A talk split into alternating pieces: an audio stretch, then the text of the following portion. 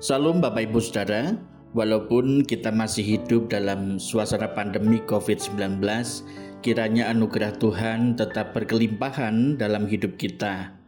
Mari kita berdoa.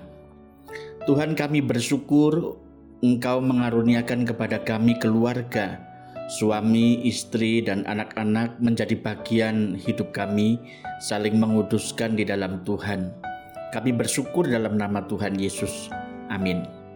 Saat ini kita akan membaca dan merenungkan firman Tuhan dari surat Petrus kepada jemaat Kristen diaspora yaitu 1 Petrus pasal 3 ayat 7 berkata demikian.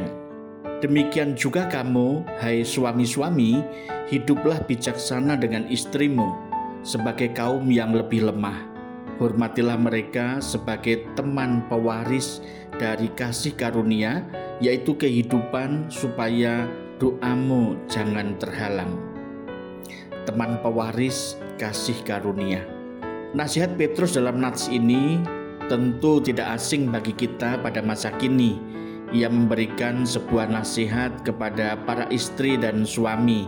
Perintah ini terkesan sesuai dengan kondisi mereka, meski tetap ada prinsip penting untuk zaman sekarang ini. Menurut hukum Romawi, budak anak-anak, dan istri harus tunduk kepada pria atau suami yang menjadi kepala keluarga sebagai majikan ayah suami. Para budak harus tunduk sampai dibebaskan. Anak-anak juga demikian sampai ia dewasa. Para istri harus tunduk seumur hidup mereka. Lalu bagaimana pasangan Kristen menerapkan perintah Petrus ini?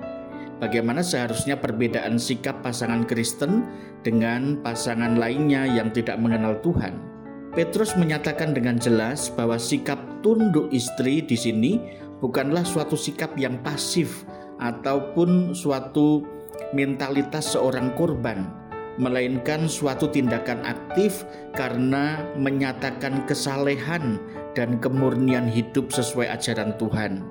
Kalau kita membaca ayat 1 dan 2.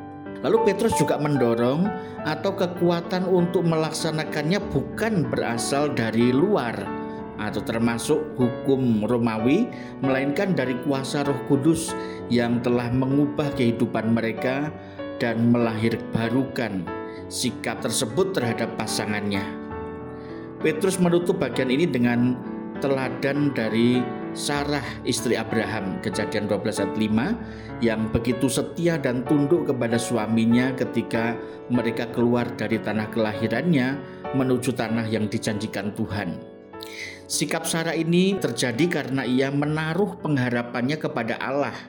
Ayat yang kelima, hanya dengan cara itulah Sarah mampu untuk berbuat baik bukan karena desakan suami.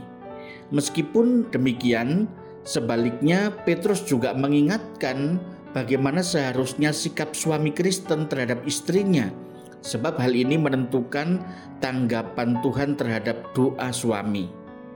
Dengan demikian, suami pun harus menjadi teladan bagi istrinya, bukan memanfaatkan dengan kekuasaannya untuk menekan, menjajah, bahkan menghancurkan istri.